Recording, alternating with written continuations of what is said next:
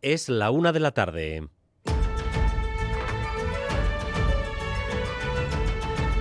Crónica de Euskadi con Dani Álvarez.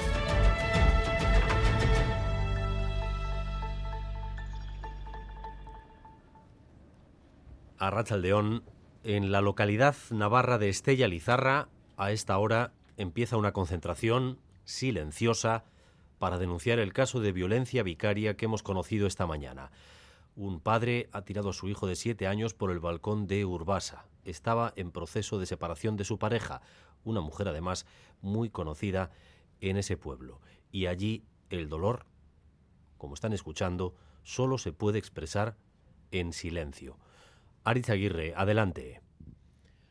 Un silencio agónico que rompen en estos momentos los llantos de dolor de las personas que se están concentrando aquí a esta hora frente al ayuntamiento de Estella Lizarra bajo las banderas a media asta. Gente rota bajo la lluvia que llora y se abraza como si de un tanatorio se tratase. Frente a ellos, la corporación del ayuntamiento unida bajo el balcón de la casa consistorial y muestra una ciudad totalmente compungida que aún no ha asumido la noticia. Todo el mundo se está acordando aquí ahora de Mateo, de siete años, su cuerpo recogido del barranco, y no se olvida del dolor de Gusquiñe, su madre, que denunció la desaparición, y se preguntan qué le pudo pasar por la cabeza al padre en el barranco del Mirador de Pilatos, en una caída vertical de 300 metros, y continúa el silencio aquí en Lizarra.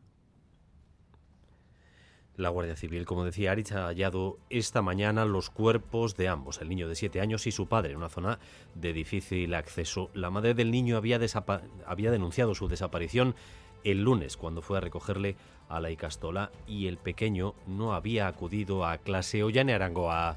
El dispositivo de búsqueda se activó ayer por la tarde después de que la madre interpusiera así la denuncia. A las 7 de esta mañana el helicóptero de la Guardia Civil ha avistado los dos cuerpos sin vida en una zona escarpada de difícil acceso y posteriormente agentes del grupo de rescate de montaña han recuperado los cadáveres que han sido trasladados al Instituto Navarro de Medicina Legal. A la espera de que se realice la autopsia, la Guardia Civil baraja todas las hipótesis, aunque todo apunta a un posible crimen de violencia vicaria, es decir, que el padre, un hombre de 54 años, vecino de la localidad de Iguzquiza, se arrojó al vacío con su hijo de 7 años desde el balcón de Pilatos. En el parking continúa la furgoneta en el que se desplazó al lugar.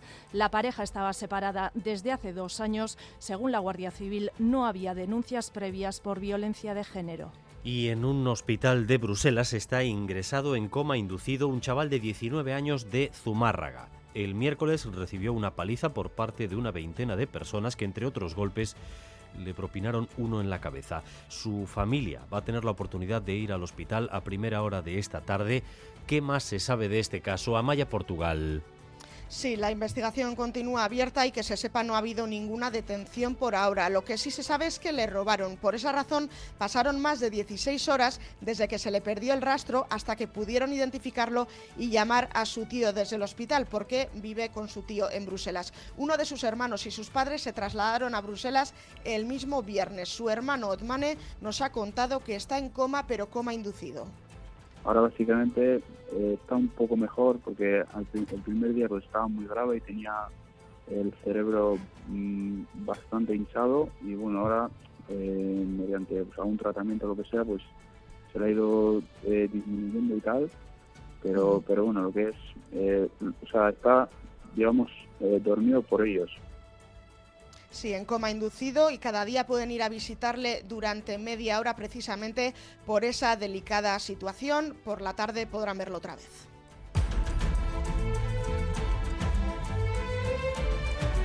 En los días críticos del proceso, el independentismo esperaba a última hora y a que la olla estuviera al límite para tomar decisiones o no tomarlas. Con la investidura de Pedro Sánchez, Puigdemont está haciendo lo mismo.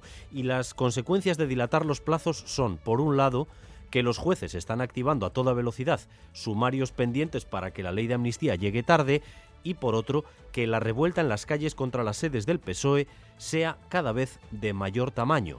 Así que a esta hora la noticia sigue siendo que no hay noticia. Madrid y Sarobaza.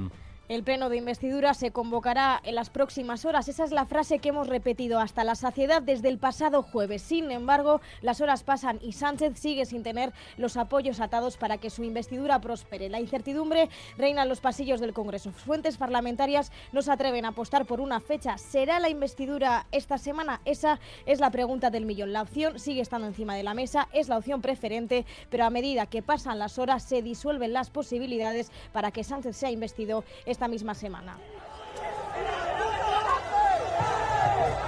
Las concentraciones callejeras las promueven los elementos más exaltados de la ultraderecha. Ayer terminaron en la calle Ferraz con cargas de los antidisturbios.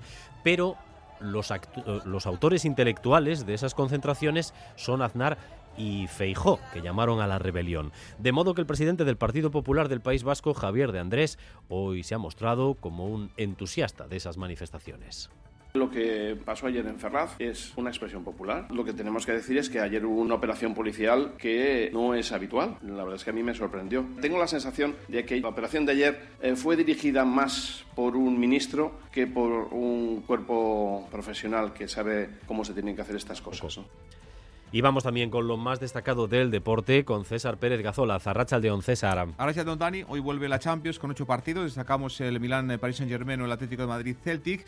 Mañana juega la Real. Lo hacen a Noeta ante el Benfica, un partido que puede suponer el pase a octavos de final de la Liga de Campeones para el equipo de Imanol. Esta mañana en Zubieta, Traoré y Zubeldia se han eh, entrado con el grupo y podrán estar ante el conjunto portugués. Por cierto que el Granada, equipo de primera, ha sido eliminado de la Copa por alineación indebida en la primera ronda en su partido ante el Arosa. Y en pelota, segunda jornada de las Winter Series desde esta punta anoche en Guernica, en el highlight de la vía foral, Aricher Kiaga y John Ibarrucea derrotaban por 2 a 1 a la pareja formada por Johan Sorozábal e Imanol López.